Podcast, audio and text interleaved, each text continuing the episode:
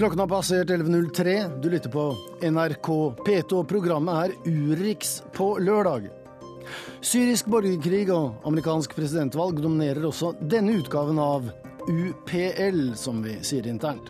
Men russiske meningsmålinger, ukrainske krigsskadde, argentinsk økonomi og østerrikske bunader er også med, samt et selvkritisk korrespondentbrev fra Afrika. Dette er Urix på lørdag. Kampene om og evakueringen fra den syriske byen Aleppo har dominert nyhetsbildet denne uken. Det er motstridende meldinger om hva som skjer, men mange er blitt evakuert, og mange venter. Og det heter seg altså fra Syria i dag at evakueringen skal komme i gang, at det er inngått en avtale. Nå sier FNs avtroppende generalsekretær Ban Ki-moon at Aleppo er blitt et synonym for helvete. Eh, de sivile i Aleppo har betalt en meget høy pris for konflikten de siste årene, men også andre parter har ofret og lidd. Mer enn 1000 iranske soldater har også mistet livet i kampene på president Assads side. Sissel Wold har vært i Iran og møtt en av familiene i Teheran, der enken og tre sønner sitter tilbake etter å ha mistet en ektefelle og en far. Da jeg gikk opp trappene og døren åpnet seg inn til familien Farsane, forberedte jeg meg på et tungt besøk. Vi inviteres inn i en romslig stue, der iranske tepper dekker hele gulvet, og der vi synker ned i myke sofaer. Den eldste sønnen setter frem te i glass og kaker fra konditori for å ønske oss velkommen. Enken Masome Farsane har på seg en mønstret chador. Vi ser bare ansiktet hennes. Vi er hos en gudfryktig familie, en familie som tilhører Irans mest konservative. Hvorfor ville mannen din dra til Syria, spør jeg forsiktig. Han dro som frivillig etter å ha blitt pensjonist i revolusjonsgarden, så det var hans avgjørelse å dra. Overalt i stuen ser vi portrettet hans, på fotografier, på tegninger og plakater. Han er så absolutt til stede. Også Ayatollah Khomeini og øverste leder Ali Khamenei ser på oss fra veggene, der de er innrammet. Masume og mannen giftet seg da de begge var 18 år. For ti år siden skilte de lag da han dro til Syria, 52 år gammel. Men syntes hun ikke det var trist at han dro? Jeg støttet ham fullt ut. Vi deler den samme religionen, sier enken. Hun motsa ham ikke, selv om parets venner ba henne om å ikke la han dra. Hun legger til. Jeg ville selv dratt for den samme kampen. Der det finnes urettferdighet, må vi kjempe for rettferd, forklarer den religiøse kvinnen. Hun har en styrke og en vennlig ro som overrasker meg. Sørger hun ikke? Jo, det var hardt da hun fant ut at han var død. Jeg fikk tilfeldigvis vite det da jeg så det på en nettside. Da skjønte jeg at han var borte. Det var tungt, forteller hun. Noen dager senere fikk hun beskjed fra iranske myndigheter om at mannen var blitt martyr. Etter bare 45 dager i Syria ble han tatt til fange av den sunnimuslimske al-Nusra-fronten. Der ble han, etter det de tror, regelrett henrettet. De har aldri fått ham hjem. Graven i Teheran er tom. Mens vi snakker, sitter storfamilien og lytter. Hva synes sønnene om at faren dro fra dem på denne måten? Jeg spør den yngste på 15 år. Som muslimer er vi ansvarlige for å beskytte de hellige stedene til våre imamer. Jeg ville også ha dratt, men jeg er for ung ennå, sier sønnen Mohammed Hussein. Men når grunnen er beredt, er han også klar for å kjempe i Syria. Mohammed Hussein var bare 14 år da faren ble drept av al-Nusra-fronten, som i sin tid sverget troskap til Al Qaida.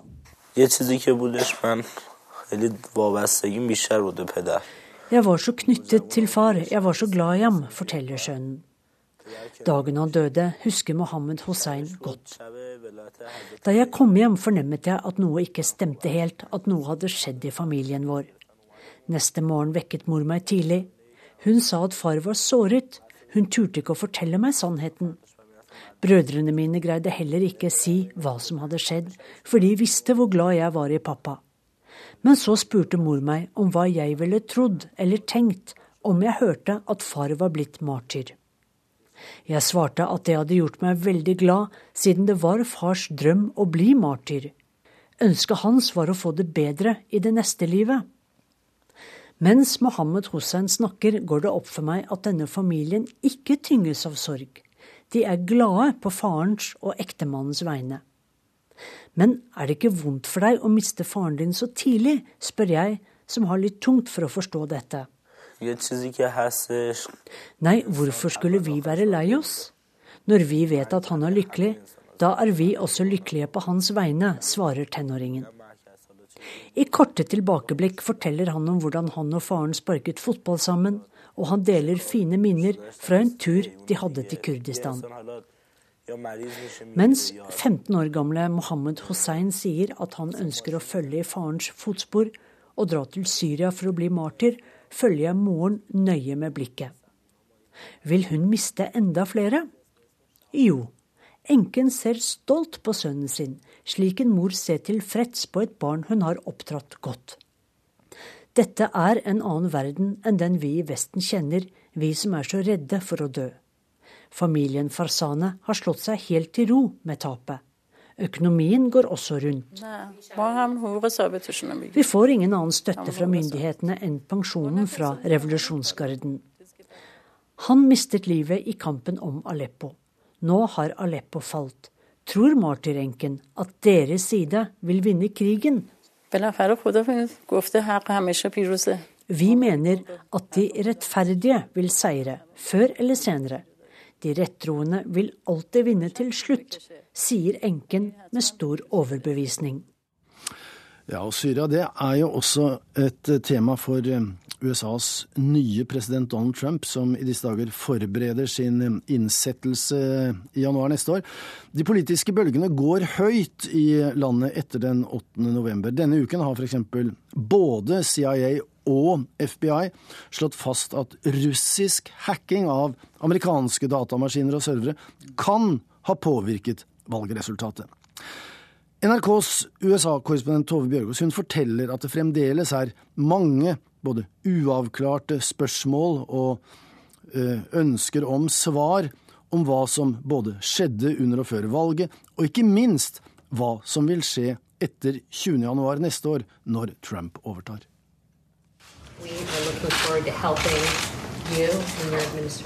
På tirsdag var mye fint folk samlet i et møterom i Trump Tower. Toppsjefer fra Apple, Facebook og Amazon hadde kommet fra California for å møte sin nye president. Han hadde innkalt dem for å berolige dem. Like I valgkampen truet Trump med handelsrestriksjoner mot Kina. Og dermed truet han også de store teknologiselskapene i Silicon Valley.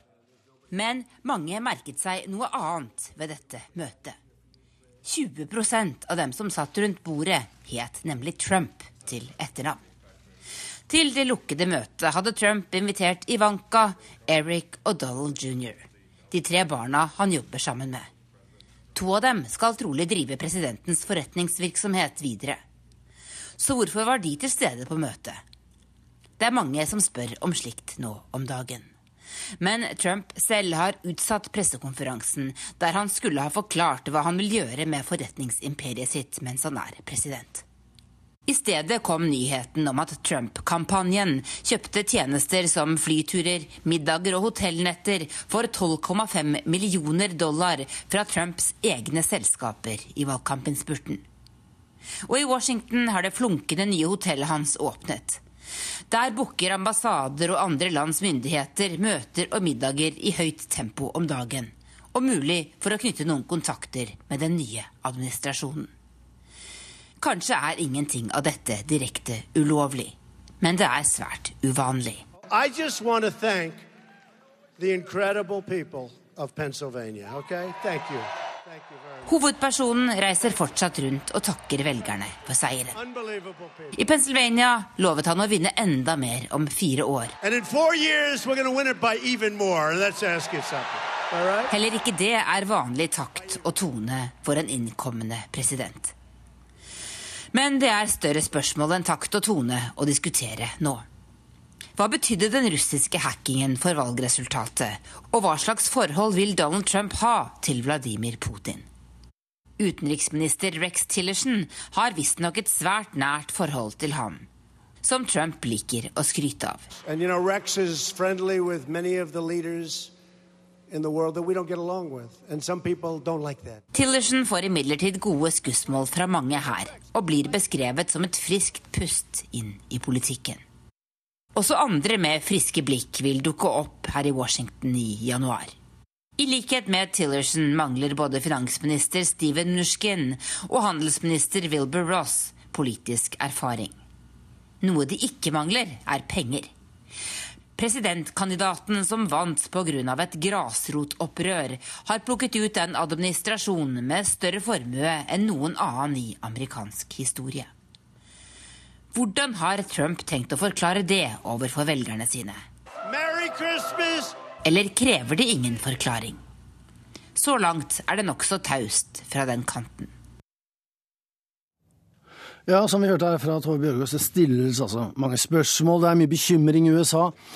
Men det er fremdeles fem uker til de egentlige og reelle svarene begynner å komme. Men de som stemte på Trump, de må vel da like tendensen i det de har sett til nå.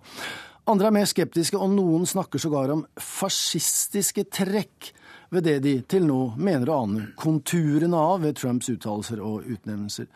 Eh, nå har det seg slik at Fascisme er et begrep som mange griper til når de vil beskrive noe de misliker på ytre høyrefløy uten å ha ideologisk eller politisk dekning for det. Og Bernt Hagtvedt, professor i statsvitenskap, er Ser du konturer av noe fascistisk ved det man til nå har hørt fra Donald Trump? Jeg har levd noen måneder i et liberalt uh, universitetssamfunn. Der pleier man å si at uh, han er Berlusconi, han er ikke Mussolini. Men det er en uh, utbredt grad av angst i det liberale USA for hva som kommer til å skje. Og det som er fellesnevneren, det er at han kommer til å løfte mye høyreautoritær argumentasjon og høyreautoritære holdninger inn i den vanlige liberale konsensus. Det har vært nynazistiske møter, det har vært ganske mye rasistiske utbrudd. Det er som om lokk lokket er løftet av, og de høyreorienterte holdningene som har ligget under hele tiden, er nå kommet opp på en helt ny måte. Det er det liberale USAs fremste redsel. Ja, for Du underviste ved Yale i hele høst faktisk om europeisk eh, fascisme. Eh, så du var der mens det skjedde, for å si det slik. Du har også skrevet i, i, Dag og Tid at du hadde besøk på ditt kontor, ikke bare av folk som hadde frykt, men de hadde direkte angst. De var redde. Minoritetsstudenter som, som reelt sett altså eh, hadde angst. Ja, det var en jusprofessorvenn av meg som opplevde det dagen etter. Hun var meksikaner, og det var en reell frykt for at de skulle bli deportert. Det tror jeg er helt reelt. Samtidig er det motkrefter i gang. En rekke universitetsbyer, ja, New York og Los Angeles også, men også New Haven har vedtatt at de skal være sanctuaries, altså beskyttet tilholdssted. I California er det nå tendenser til at man vedtar lover som hindrer politiet i å delta i deportasjoner. I New Haven var både gjeldspresident og ordføreren i byen helt klare på at eh, jeg vil ta opp studenter uansett deres eh, bakgrunn, uansett deres juridiske posisjon i forhold til eh, lovgivningen, og ikke minst New Haven-politiet vil ikke delta i deportasjoner. Så Det er klare motkrefter, men konklusjonen er det er mye angst. Det er mye engstelse, ja. Du nevner politiets rolle. Der er vel ikke Trump ennå, for å si det på den måten. Eh, vi forbinder jo ofte fascisme med stormtropper og brunskjorter. Eh, det er vel ikke noe man strengt tatt frykter, eller er det det? Nei, altså fascisme er diktatur. Det er alle enige om. Eh, ytterligere elementer i definisjonen er at det er en ekstrem nasjonalistisk grunnholdning. En voldsstyrkelse, en vitalisme, altså en viljestyrkelse. Ofte mannsstyrkelse, og ikke minst en autoritær holdning til økonomien. Jeg vil si at eh, Trump ikke kan kalles fascist. Det er å formørke mm, tilstanden, vil jeg si. Men det som er frykten, er at han skal legitimere disse holdningene jeg nevnte. Og jeg bare nevner at eh, en av de siste forelesningene som ble holdt, der kom jo eh, Tim Snyder som fremtredende holocaust-ekspert. Han kom ut og sa det vi nå må passe på, det er at vi ikke får en nasjonal politistyrke. Nå har de jo nasjonalgarden, men det er klart at det liberale USA kommer nå til å være veldig på vakt mot, mot slike tendenser. Men det er jo begrenset hva lokalsamfunn kan gjøre, for Trump kan jo bare stoppe de, den føderale pengestrømmen, og da har de, han har helt kontroll. Jeg vil også si at Det amerikanske politiske system er jo basert på maktdeling. Men her har man en helt ny situasjon, hvor republikanere kontrollerer begge husene i Kongressen, og etter hvert også Høyesterett. Og mange guvernørstillinger. Så den virkelige offeret i denne valgkampen, det er jo demokratene. Er det et parti som skal komme i tale med arbeiderklassen? Hvordan skal de klare det? Og det dreide seg om veldig små marginer i Wisconsin, Michigan og Pennsylvania. Det var de landlige områdene som, som stemte for Trump. Og et gjenoppdukkende tema i New Haven det var kombinasjonen av FBI-sjefens utfall mot Hillary Clinton de siste ukene og det at Hillary ikke skjønte hvor farlig det var i disse statene. Kombinasjonen der gjorde at hun tapte presidentkampen. Det dreide seg om veldig små marginer. Men samtidig så må vi innrømme at eh, det var en relativt åpen. Det, ingen har beskyldt Trump for valgfusk. Ja, han har selv beskyldt de andre for valgfusk. Ja, ja. Men altså, han, han, fikk jo da et, et kvalifisert flertall, slik ja. reglene er i amerikanske presidentvalg. Eh, kan man innføre fascisme gjennom et flertallsvalg i folket? Altså, kan, kan folkeviljen føre til fascisme. Nå har du for så vidt sagt at Trump ikke er fascist, vi må understreke det. Men bare for å se nærmest filosofisk og ideologisk på det. Nei, det er, Flere har jo henvist til Sinclair Lewis' bok 'Can't Happen Here', hvordan fascismen kom i, i 30-årene. Charles Lindberg, 'America First', det har vært tendenser. Men eh, det er jo nokså klart at eh, vi står overfor en helt annen historisk situasjon. Eh, jeg kan fortelle en episode fra min undervisning. Der snakket vi om en av forutsetningene for fascistisk maktovertakelse er nasjonal ydmykelse. Både Tyskland og Italia var jo nasjonalt ydmyket etter første verdenskrig. Eh, USA er ikke nasjonalt ydmyket. Men eh, ei jente i klassen sa Ja, men unnskyld. Ja.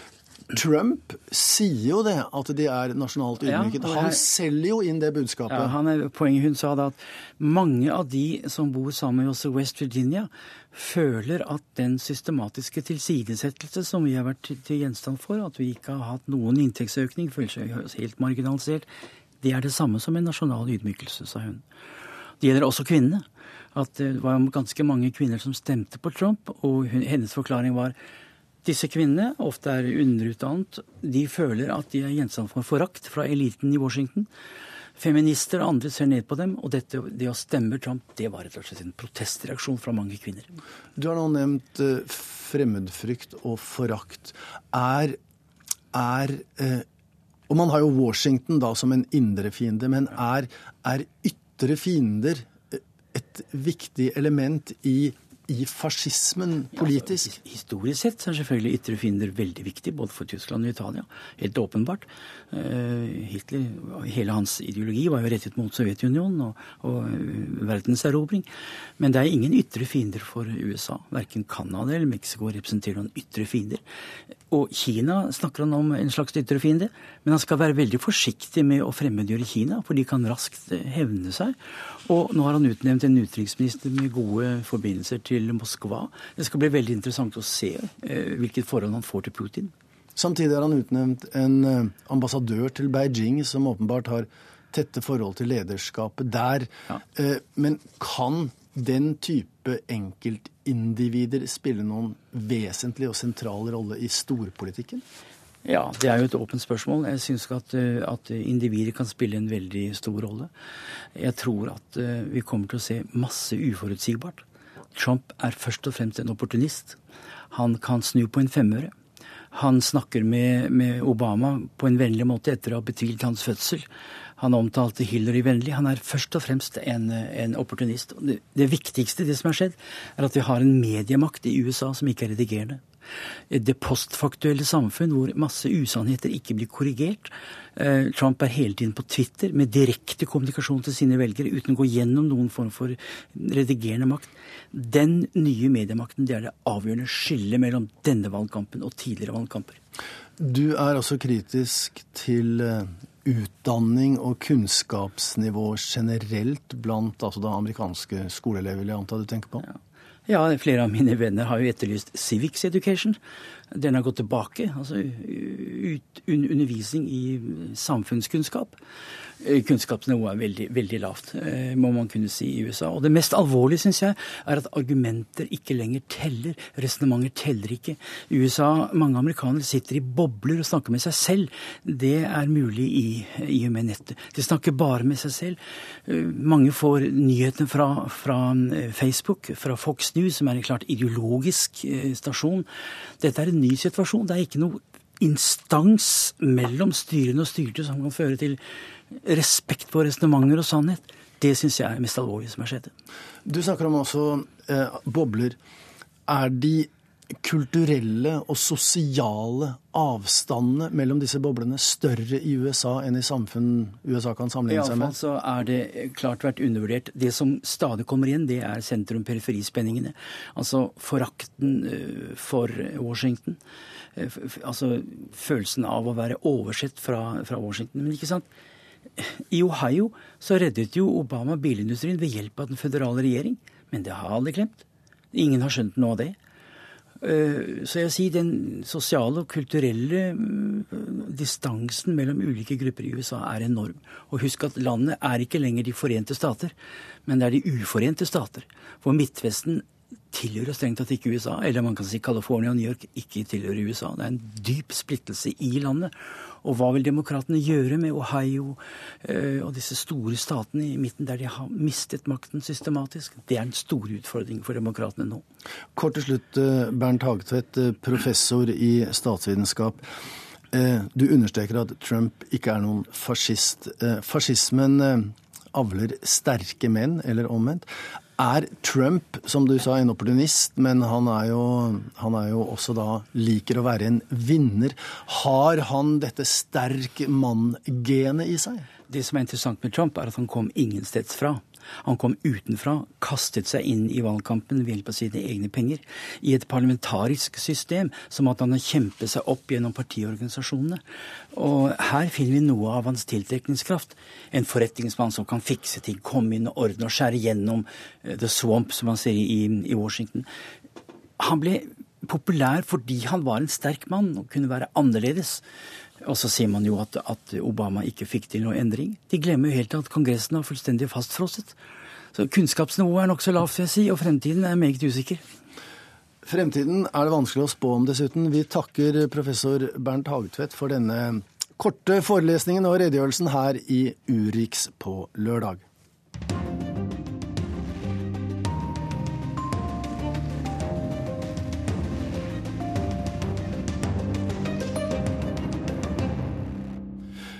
Vi skal holde oss på det amerikanske kontinentet. Vi skal til et land som eh, vet mer om fascisme og har kjent det bedre på kroppen enn USA, i hvert fall Argentina. For der øker fattigdommen, og økonomien er i krise ett år etter at høyrepolitikeren Mauricio Macri overtok som president.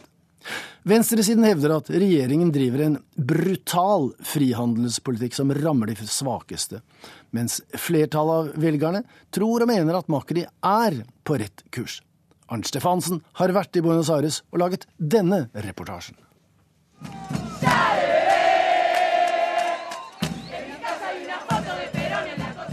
Jeg er på Plaza de Mayo i Buenos Aires.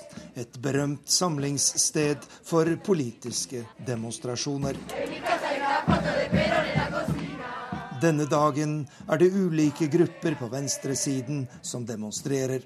Med vaiende faner og taktfaste slagord viser de sin misnøye med landets president Mauricio Macri, som kom til makten for et drøyt år siden, og som nå gjennomfører store endringer i det argentinske samfunnet. Studenten Juan Pintos sier det slik.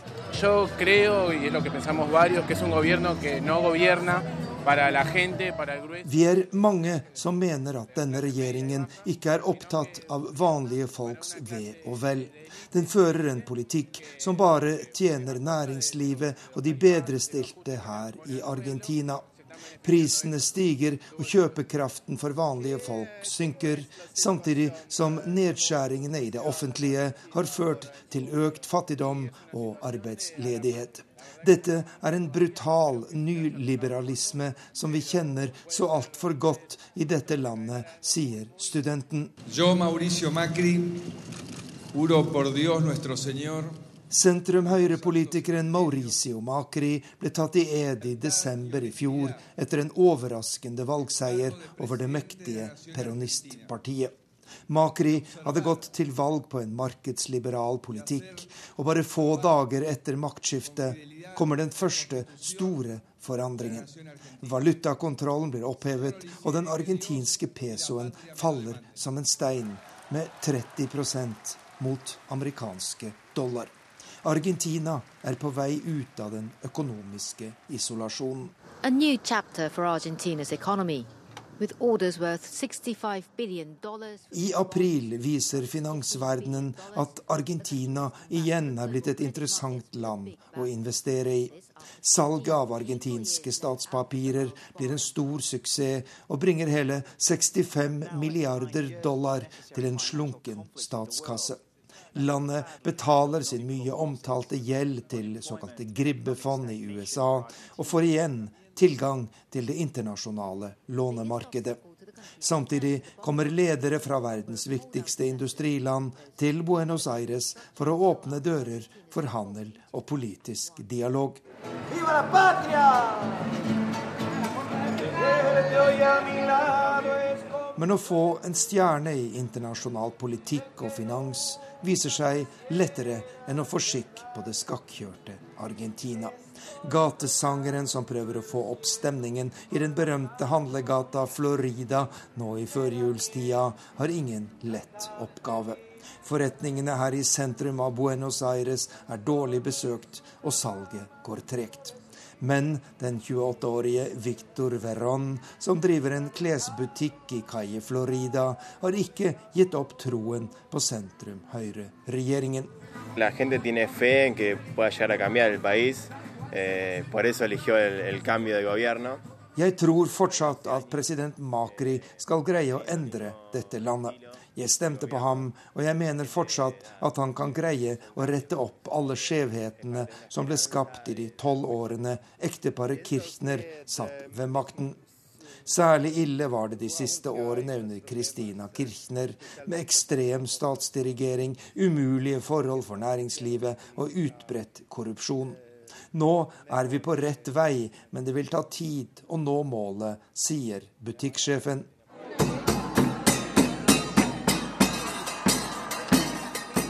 Men demonstrantene på Maiplassen har ingen tro på regjeringen Makri. Og tallenes tale gir god grunn til bekymring. Økonomien vil få en nedgang på nærmere 2% dette året. Inflasjonen har steget til over 40% og mer enn 6% av befolkningen lever i ekstrem fattigdom. Presidenten selv innrømmer nå at problemene er større enn han trodde, og at snuoperasjonen vil ta lengre tid enn ventet.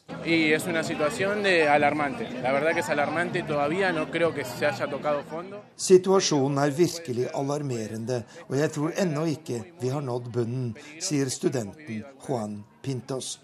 Derfor er vi samlet her foran presidentpalasset for å si høyt og tydelig fra om at landet er på vei mot stupet, sier demonstranten i Buenos Aires.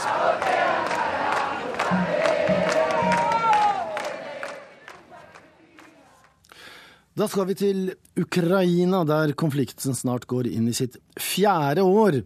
uten at eh, noen snarlig løsning er i sikte. Og for de fleste ukrainere så var tanken på at landet skulle havne i en blodig konflikt der nærmere 10 000 mennesker har mistet livet, nærmest utenkelig.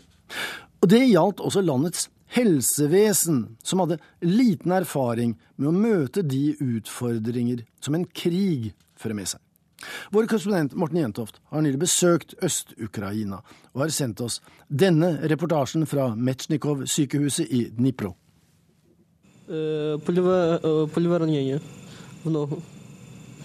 Dette han er ikke mer enn 18 år, og det er ikke mange timene siden han hardt såret ble lagt inn på Metsjnikov-sykehuset i Dnipro, denne store industribyen sørøst i Ukraina. Igor Gavdatsjuk har meldt seg frivillig til den ukrainske hæren, men nå må han belage seg på et langt sykehusopphold etter skuddskaden han har fått ved fronten utenfor Danetsk, vel 200 km lengre øst. Нет, шутки поезд Hyundai. Det er under et døgn siden Igor ble truffet av flere kuler under kampene ved byen Avdijevka, og så fraktet hit til Dnipro. Som de fleste av dem som har blitt hardt skadet under konflikten i Ukraina de siste årene, er blitt. Тяжело, очень тяжело видеть такие тяжелые ранения, очень тяжело видеть молодых парней, но когда им задаешь... Denne søndagen er det Aleksandr Tolubajev som er ansvarlig lege, og som derfor har ansvaret for Igor og de andre hardt sårede soldatene som bringes inn fra en konflikt som nå har pågått i snart tre år.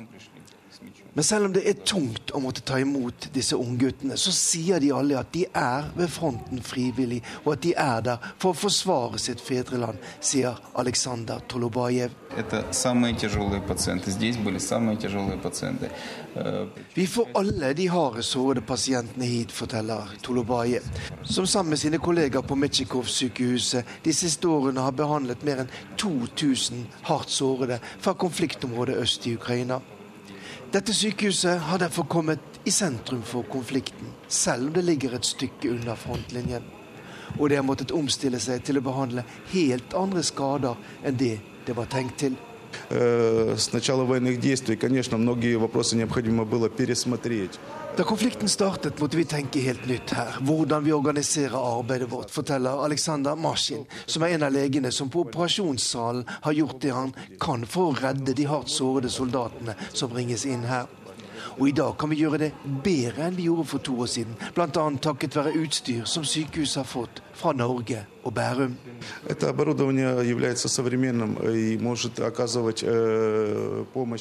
Denne hjelpen fra Norge har vært svært viktig for oss, sier Aleksandr Maskin. Det handler om tid når vi skal forsøke å redde hardt skadede ved fronten mye av det apparatet og de rutinene som Metsnikov-sykehuset har bygd opp siden de første pasientene med skuddskader begynte å komme inn i mai 2014, har skjedd gjennom improvisasjon og gjennom innsats fra hundrevis av frivillige. Jeg skjønte at jeg ikke kunne se på jeg forsto at jeg ikke kunne sitte på sidelinjen og betrakte det som skjedde, sier Viktoria Pavlova, som jeg treffer i et mottakelsesrom som ligger like innenfor hovedinngangen på Metsjnikov-sykehuset i Dnipro. Hun er selv utdannet lege, men har vært en av krumtappene i det arbeidet som frivillige har gjort for at sykehuset skulle bli i stand til å ta imot de pasientene som utover sommeren 2014 strømmet hit for å bli behandlet for skader de hadde fått ved fronten i øst. Самое тяжелое, наверное, это после Иловайска, det tyngste øyeblikket var etter slaget ved Ilovaisk i slutten av august 2014, forteller Viktoria Pavlova. Da var det en morgen 300 skadede her ute på gårdsplassen, etter at de ukrainske styrkene hadde gått på et alvorlig nederlag i striden med de prorussiske separatistene sør for Donetsk.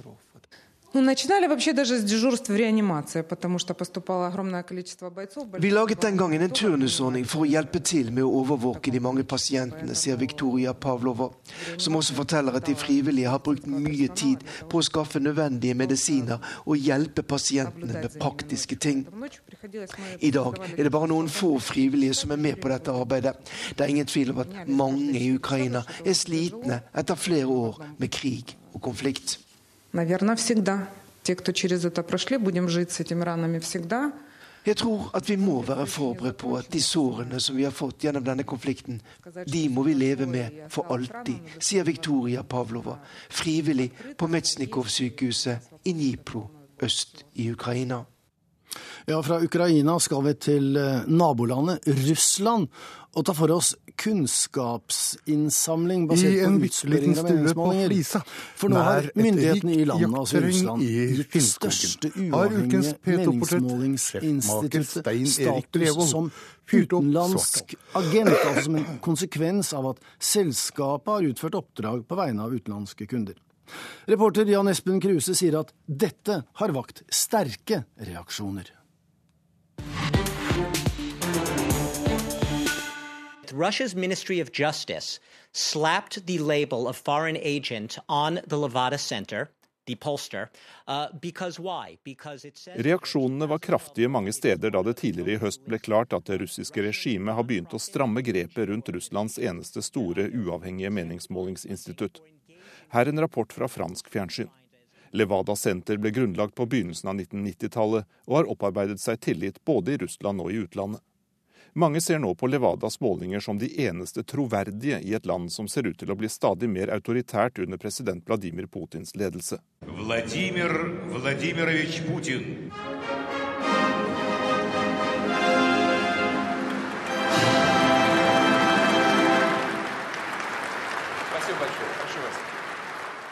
Добрый день, уважаемые Vladimir Putin holdt nylig sin årlige tale om rikets tilstand, og han understreket at det meste går bra i Russland, selv om det finnes noen problemer. Presidenten gjorde et kjempehopp på meningsmålingene da Russland annekterte Krimhalvøya i 2014. Oppslutningen var helt oppe i 89% Oversikten på Levadas nettsider viser at Putin for øyeblikket har støtte fra 86% av de spurte. Likevel ble meningsmålingsinstituttet i høst klassifisert av myndighetene som såkalt utenlandsk agent. Bakgrunnen er at Levada har blitt engasjert av amerikanske oppdragsgivere, og at det de gjør blir sett på som politisk aktivitet. Uh, uh,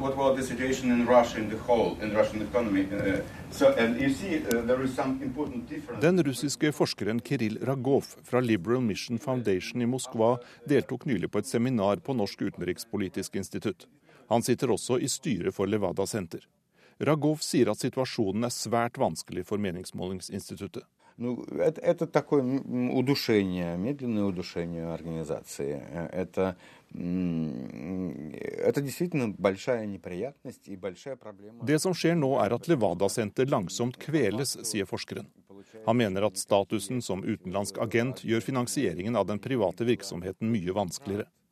Oppdragene blir færre. Mange er redd for også å bli stemplet på samme måte hvis de samarbeider med Levada. Russiske organisasjoner som er avhengige av statsstøtte, tør ikke ha noe med meningsmålingsinstituttet å gjøre, sier Ragov. Men hvorfor oppfattes uavhengige meningsmålinger som så farlige for regimet? Политический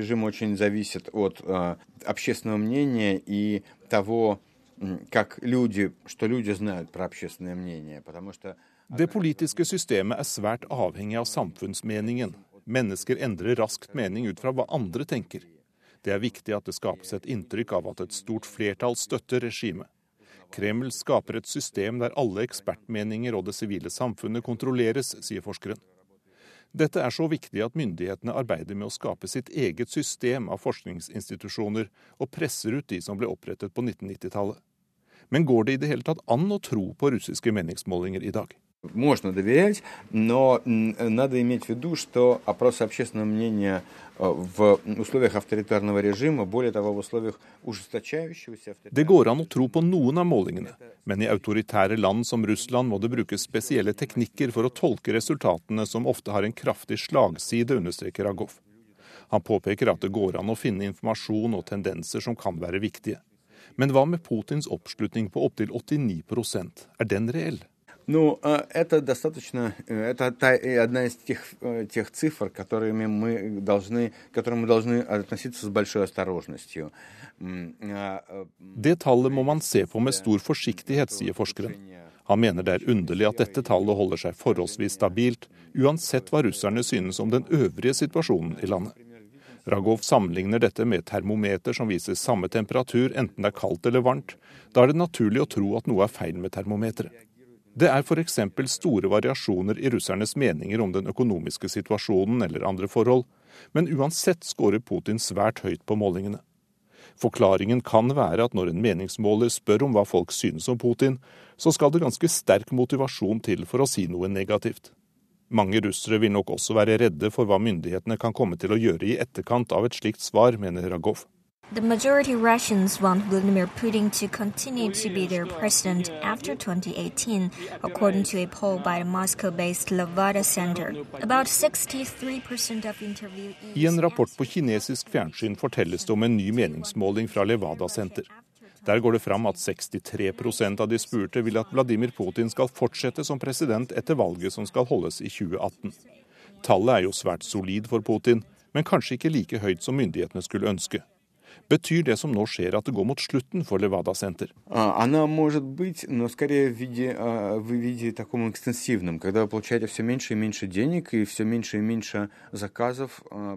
Det kan bety slutten for meningsmålingssenteret, og det vil i så fall være svært beklagelig, sier Agov. Han viser til at Levada har fulgt utviklingen på en lang rekke samfunnsområder gjennom flere tiår. Det vil være svært viktig både for Russland og andre land å fortsette denne kartleggingen.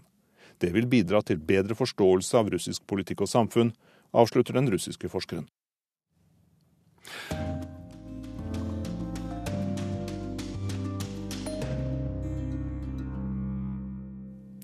Østerrike. Landet har de siste månedene vært gjennom en uvanlig lang presidentvalgkamp, og der sto patriotismen svært sentralt, og det ble spilt også nokså uhemmet på nasjonalfølelsen. Dette har ført til en kraftig økning i salget av bunader, hevdes det. Ja da, sier andre, det stemmer det, men eh, sier samtidig at det, har ingenting med den nasjonale grunntonen i valgkampen å gjøre. Det finnes andre årsaker. Vår reporter Guri Nordstrøm ønsket å finne ut om det var noen sammenheng eller ei, og hun sendte oss denne reportasjen fra Østerrike. Vi har hier lauter österreichische Trachten. Für Damen, Herren und Kinder verkaufen wir auch. Jon Gert viser frem et arsenal av den tradisjonelle østerrikske folkedrakten trakt. Ulike fra delstat til delstat, men som oftest lærbukser og hatter med edelveispinn til mennene og fargerike drindel til damene. Als nächstes gibt es die Dirndl. Mhm, können Sie das zeigen? Das ist auch ein, ein Produkt, das in Österreich sehr viel getragen wird. Gert er innehaver av forretningen Låden Plankel i Wien. En av flere traktbutikker som opplever stor etterspørsel akkurat nå. En boom, kaller han det. Trachten sind sehr aktuell jetzt und der Trachtenboom ist eigentlich sehr stark in Österreich. Han anslår økningen til å være tosifra prosenttall. Ich würde sagen, es sind wirklich zweistellige Prozentzahl im Jahr, die letzten Jahre gewesen. Traktforretninger over hele Østerrike forteller om det samme. En annen traktselger i Wien sier han tidligere kunne selge et par hundre nasjonaldrakter i året. Nå er tallet et par tusen.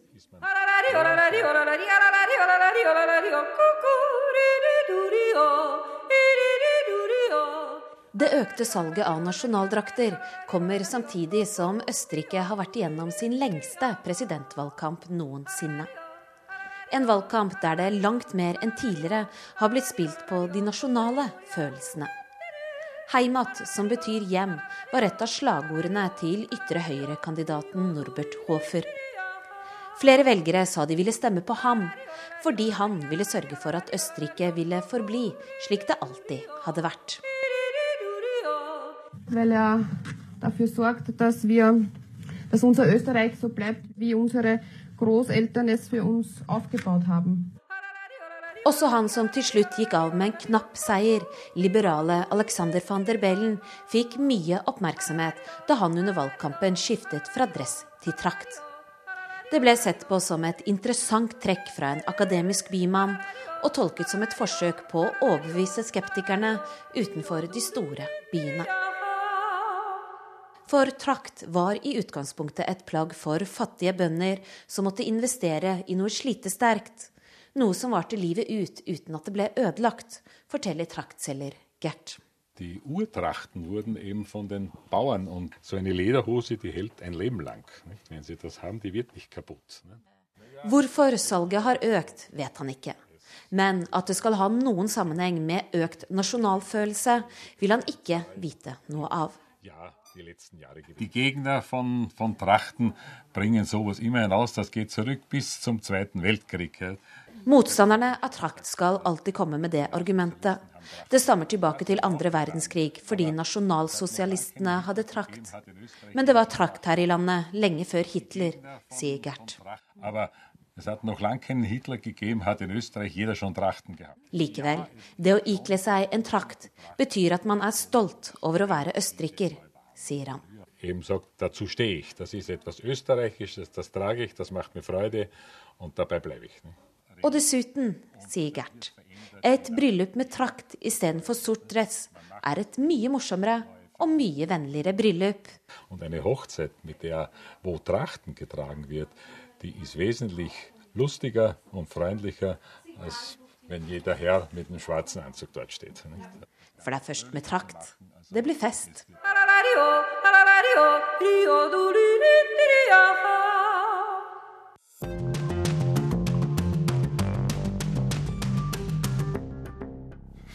Dagens korrespondentbrev er det vår Afrikakorrespondent Sverre Tom Radhøy som har skrevet og sendt. Han har gjort seg noen tanker om dilemmaer når kravet til å samle inn journalistisk stoff i sårbare situasjoner bryter med kravet om medmenneskelighet. I dette brevet skal vi til Nigeria, men via Canossa. Det er en omvei journalister tar oftere enn folk tror, men som vi sjeldnere skriver hjem om. Her skal det dreie seg om situasjoner der det kan være vrient å forene to krav i felt. Kravet om å få samlet inn stoff og kravet om å oppføre seg skikkelig. Det hender leveringsdyktighet bryter mot det å være et godt medmenneske. Her kommer ingen fasit, men jeg har nylig opplevd et par slike situasjoner som sitter litt i, og jeg kom ikke helt godt ut av noen av dem. Vi skal til den nigerianske delstaten Borno, der hjelpeorganisasjoner nylig slo alarm om halvannen million interne flyktninger, hvorav 300 000 barn lider av akutt underernæring. FN betegnet situasjonen som den største krisen i Afrika i dag. Den første scenen utspiller seg på et akuttmottak for kraftig underernærte barn i provinshovedstaden Maiduguri. Der sitter det en bekymret mor i sykesengen ved siden av sin lille datter. Moren er ung, datteren er liten og veldig tynn. Pusten er rask, pulsen er lav. Moren sier at det kommer til å gå bra nå som lille So får hjelp her på senteret, men legen levner ikke barnet mye håp. Vi filmer legen, vi filmer den bekymrede moren, og vi filmer åtte måneder gamle Zoo. åtte måneder, 2,4 kilo. Legen rister på hodet. Vi hadde fått morens tillatelse til å filme, og nå peker jeg på mikrofonen og på henne. Jo, hun kan snakke med oss. Språket er kanuri, vi spør om legen kan oversette, han spør henne på hausa, et felles språk for flere folkegrupper. Det forstår hun ikke mye av. Så renner det av den lille jenta. Diaré. Jeg ber først fotografen la kameraet gå og følge mor og barn ut til vannkrana på plassen foran sykestua. En dum avgjørelse.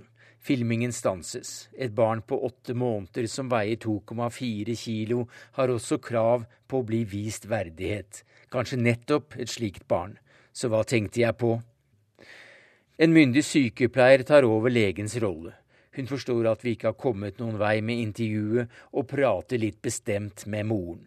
Så foran seg har moren en irritert sykepleier hun ikke forstår, et insisterende kamera pluss en journalist og en mikrofon som krever svar. Hun er der fordi hun er redd for barnet sitt, med all mulig grunn. Så utsetter vi henne for dette. Hva skal vi gjøre? Jeg setter meg på kne ved siden av sengen, prøver etter fattig evne å forstå om moren vil fortsette, eller om vi skal gi oss. En mann som vasker gulvet, spør på godt engelsk om han kan hjelpe, han sier noe til moren, hun lyser opp. Begge snakker kanuri, så vi intervjuer moren, og han oversetter. Hva slags håp har hun for den lille, hvordan blir hun behandlet, hvor kommer de fra, hva gjorde Boko Haram den natten terroristene ødela livene til alle i landsbyen? Vi har så mange spørsmål, og barna har så liten tid. Med store øyne søker det morens blikk, men moren ser på oss, og kameraet går. Barnet bruker krefter på å bevege litt på et knoklete venstre bein. Vi filmer den bevegelsen også, og den raske pusten. Lille So kommer trolig til å dø om ikke lenge. På soteseng er det liten trøst å få så lenge vi er der. Moren er mer opptatt av å gjøre seg forstått for oss. Det lille mennesket ved siden av fikk ikke mye moderlig omsorg da vi tok vår del av den tilmålte tiden de to har sammen. På vei ut møter vi en kollega med dårlig tid. Han hilser kort på legen, sier at han dessverre bare har noen få minutter, så om legen raskt kunne vise ham det tynneste barnet i teltet. Det var en mildere variant av vandrehistorien fra krigen på Balkan, der journalisten spurte høyt i sykestua om det var noen kvinner der som var voldtatt og snakket engelsk. Journalisten her i Maiduguri ser at ungene rundt ham bare har skinn rundt beina. Han blir tydelig fornøyd og viser det mer åpenlyst enn hva kledelig er. Usmakelig, ja visst, men også et spontant uttrykk for en profesjonell glede over å finne fram til nettopp de hardest rammede tilfellene, de en reportasje bør ha om man med troverdighet skal lage en historie om en sultkatastrofe. Om vi i felt styres for mye av medfølelse og behovet for å være der for folk som lider, så har vi tatt skrittet over i en annen yrkesgruppe. Da ville vi ikke fått gjort jobben vår. Men det går en grense, selv om TV er nådeløst i kravet om billedbevis. Journalisten fortsetter rett fram til sengen med moren vi nettopp forlot, og til stakkars Sue. I scene to er vi blant de første journalistene som ble fløyet inn til en flyktningleir på grensen mot Kamerun. FN selv har bare hatt tilgang dit i en drøy uke. Vi er alle spente på hvor ille det er der. Helikoptre flyr over åkrene som skulle gitt folk mat, nå er de forlatt i frykt for Boko Haram. Troverdige øyevitner har fortalt om hele områder der nede der det knapt var en unge under fem år å se. Sult og død. FN regner med ren hungersnød i lommer der det ennå er for farlig for hjelpearbeidere å dra inn og telle levende og døde. Også i leiren vi besøker, har folk dødd av underernæring. Fatima Kimas to yngste hadde sultet i hjel et par måneder tidligere. Hun ville fortelle sin historie. Det var ikke så lett.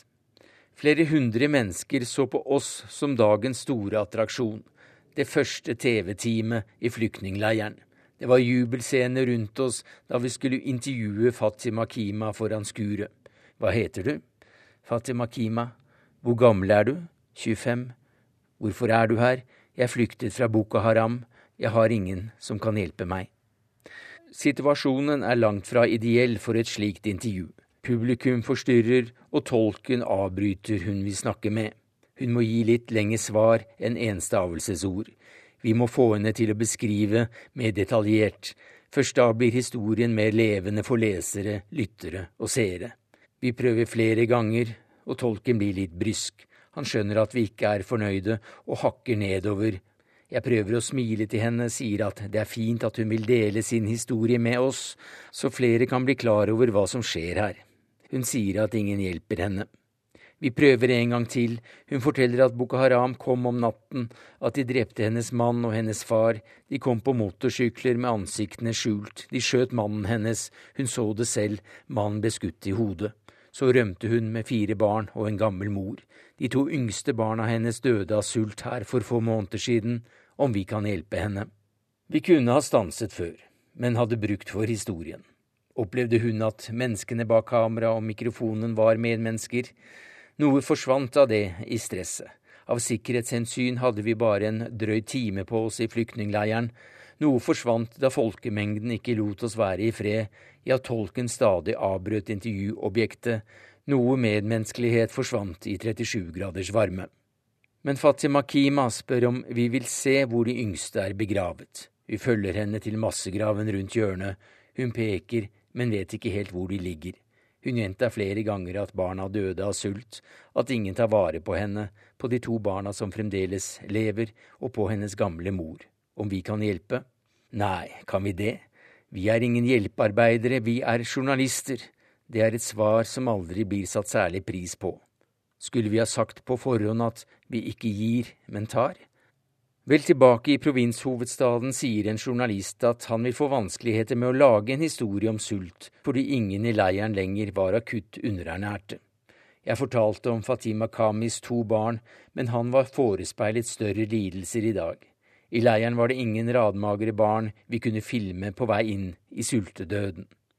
Det var usmakelig sagt, men kan godt forklares. En sultkatastrofe uten bilder av radmagre barn er ingen sultkatastrofe som blir lagt merke til. Blir den ikke lagt merke til, så blir det ikke skaffet penger. Uten penger, mindre nødhjelp, mer sult, mer død.